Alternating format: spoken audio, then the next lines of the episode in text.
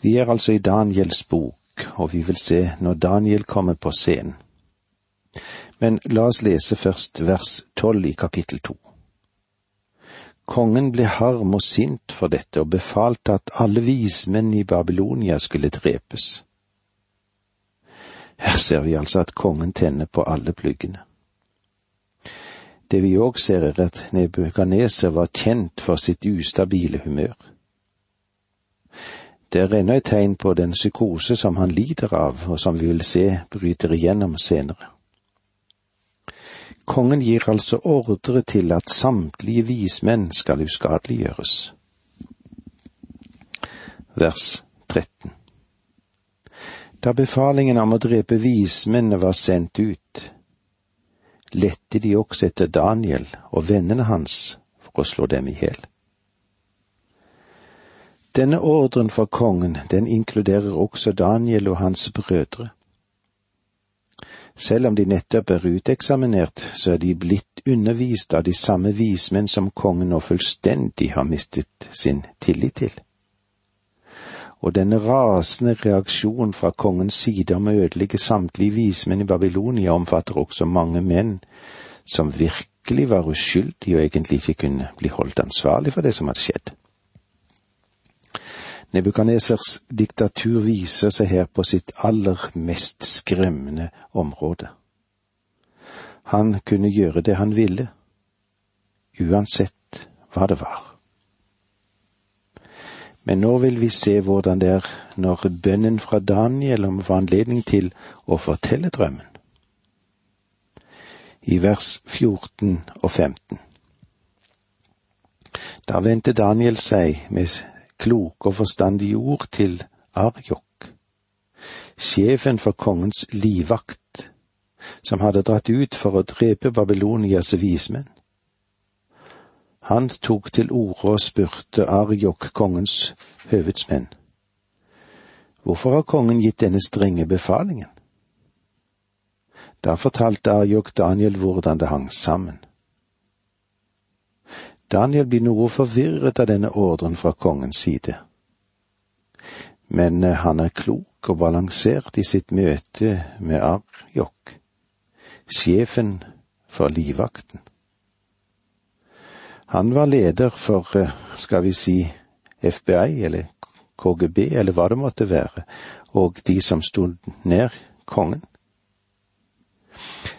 Det hadde vært interessant å få vite alt det Arjok fortalte Daniel.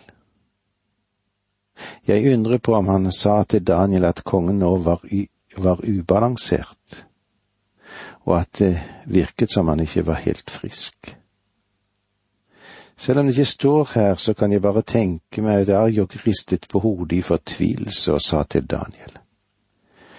Ja, du vet hvordan kongen er. Vers 16 i kapittel to i Danielsboken. Daniel gikk da inn og ba kongen gi ham en frist. Så skulle han fortelle ham hva drømmen betydde. Daniel fikk altså audiens hos kongen, og han har jo allerede vunnet kongens syndest.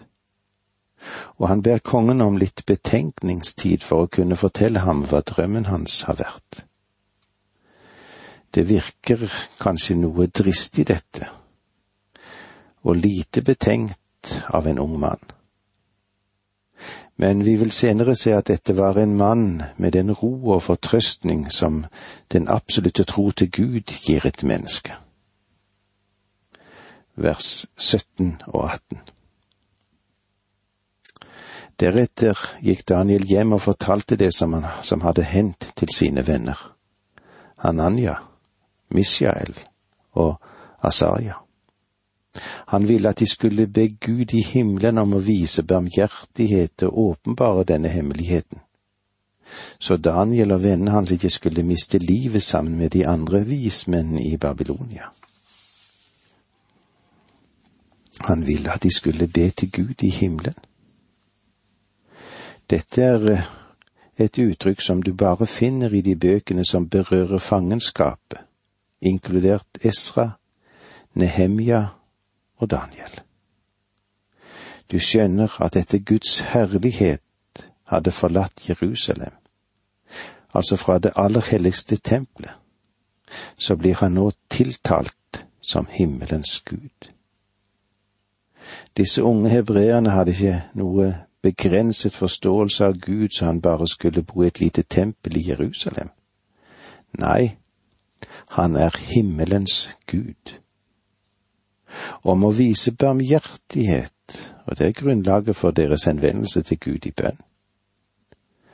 Gud svarer ikke på bønn på grunn av verdien eller de anstrengelser som måtte komme, eller karakteren, eller de gjerningene som de måtte ha, de som ber.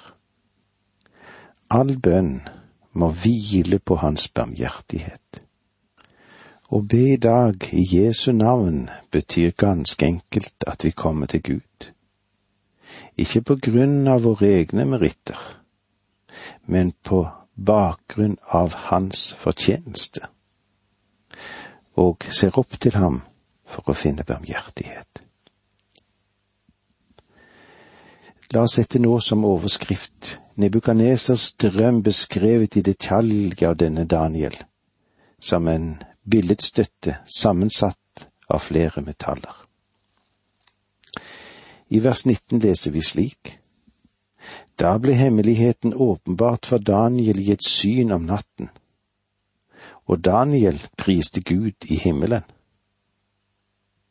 Og jeg går ut fra at måten Gud åpenbarte dette på for Daniel, var at han viste ham den samme drømmen som han ga Nebukadneser. Det synes å være naturlig ut fra den forklaringen. La oss lese vers 20 til 23. Han tok til orde og sa, Lovet være Guds navn fra evighet og til evighet. For visdommen og styrken er hans. Han lar år og tider skifte, avsetter konger og innsetter konger. Han gir de vise visdom og de forstandige forstand. Han åpenbarer det dype og dolte. Han vet hva som er i mørket, og hos ham har lyset sin bolig. Deg, mine fedres Gud, lover og priser jeg, for du har gitt meg visdom og styrke. Nå har du fortalt meg det vi ba om, det kongen vil vite, har du kunngjort oss. Dette er en av flere bønner av Daniel gjengitt i denne boken. Daniel var en mann som var målrettet. Han var en bønnens mann, og han var en profetiens mann. Gud alene har åpenbart denne hemmeligheten for Daniel, og dette er hans mektige takkebønn og nå er Daniel klar til å gå inn og be om audiens hos kongen. Vers 24 Så gikk Daniel til Arjok som kongen hadde gitt befaling om å drepe Babylonias vismenn. Han kom og sa til ham, Drep ikke Babylonias vismenn. Før meg frem for kongen, så skal jeg tyde drømmen for ham. Daniel ønsker med andre ord å stoppe denne fryktelige nedslaktingen som skulle finne sted av vismennene. Og det virker som om Ariok var fortvilet over denne situasjonen som de var kommet opp i. Han ønsket ikke ta livet av disse vismennene. Vers 25 Da skyndte Arjok seg og førte Daniel inn til kongen og sa til ham, Blant de bortførte fra Juda har jeg funnet en mann som kan fortelle kongen hva drømmen betyr. Du kan nok ane litt hvor ivrig Arjok er etter å få Daniel med inn for kongens åsyn, slik at de gode nyhetene kunne komme til ham, og at drømmen ville bli åpenbart.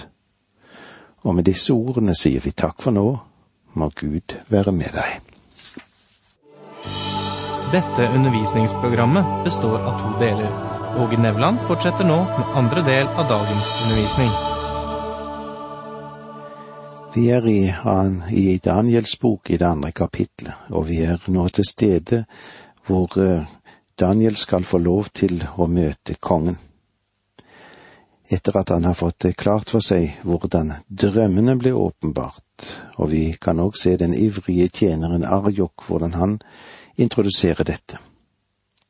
La oss lese vers 26 i Daniel 2.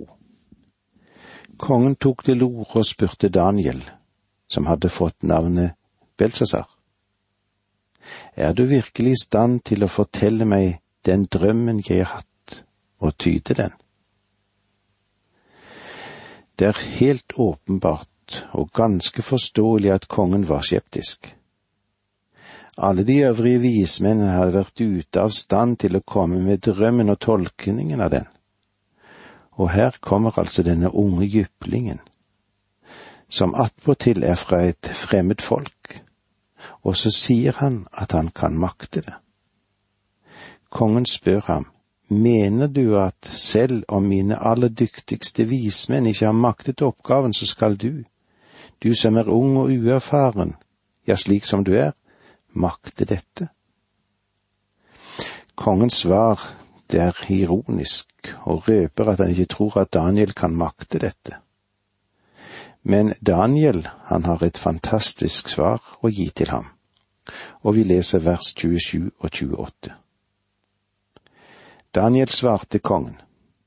Den hemmeligheten som kongen spør om, kan ingen vismenn eller åndemanere, spåmenn eller tegntydere kunngjøre for kongen. Men det er en gud i himmelen som åpenbarer hemmeligheter.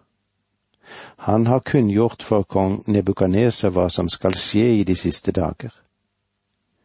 Dette er drømmen og synene du hadde i ditt indre mens du lå på ditt leie. Daniel gjør med en gang en grenseoppgang mellom Babylons visdom og Guds visdom. Apostelen Paulus han skrev det slik i første Korinterbrev 1, 20 og 25. Har ikke Gud gjort menneskets visdom til dårskap, og også Guds dårskap er visere enn menneskene, og Guds svakhet er sterkere enn menneskene. Daniel har nå en enestående anledning til å introdusere den levende og sanne Gud for den formørkede kongens forstand. Han sier, Her er det en Gud i himmelen som åpenbarer hemmeligheter og gjør kjent for kong Nebukadneser hva som skal hende i de siste dager. Dette er viktig, for her ligger vekten i Daniels bok. Denne drømmen henviser til hedningenes endetide.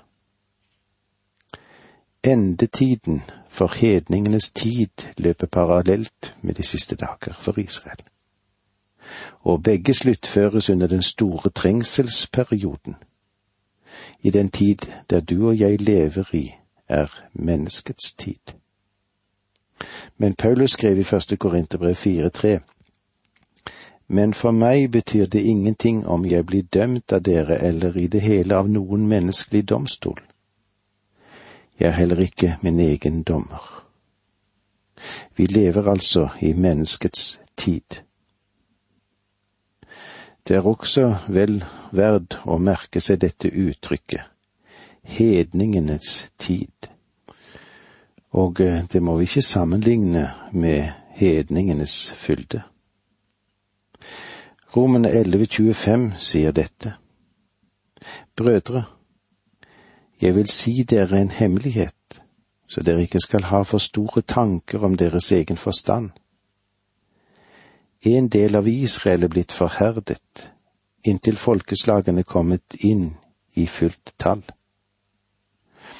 Men ser vi i den gamle oversettelsen, så står det slik der inntil fylden av hedningen er kommet inn hedningenes fylde ender med menighetens bortrykkelse. Uttrykket de siste dager og hedningenes tid er ikke like, altså, med menighetens siste dager, som når sin fylde ved bortrykkelsen og som kommer forut for den store trengsel.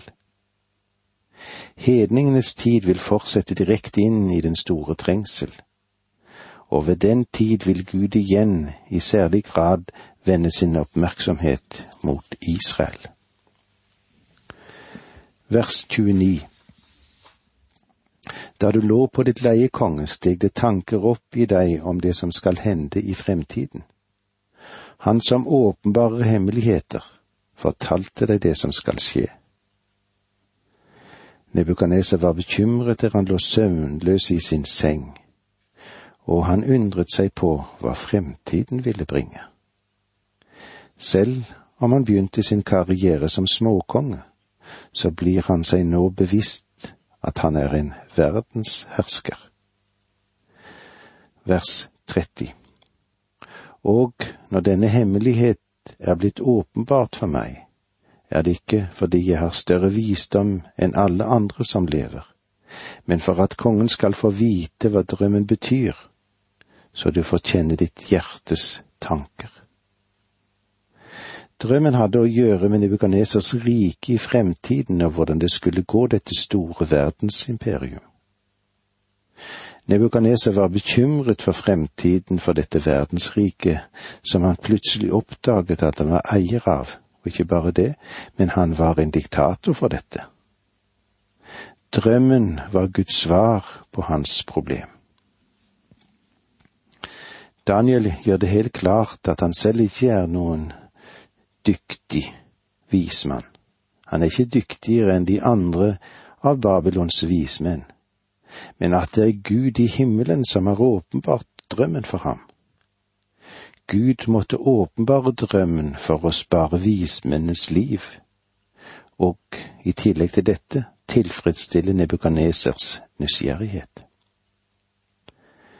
Gud vil nå tale til Nebukaneser på et språk som han forstår det språket som angår ytre prakt og rikets herlighet. I drømmen hadde Gud vist ham rikets ytre prakt. Denne drømmen var også en hedningsdrøm, og i den talte Gud til ham ved å bruke et bilde. Denne billedstøtten i Nebukanesers drøm var ikke et monument som skulle tilbes men fordi Nebukadneser falt ned og tilba slike billedstøtter i Babylon, brukte Gud en slik støtte i den drømmen han fikk.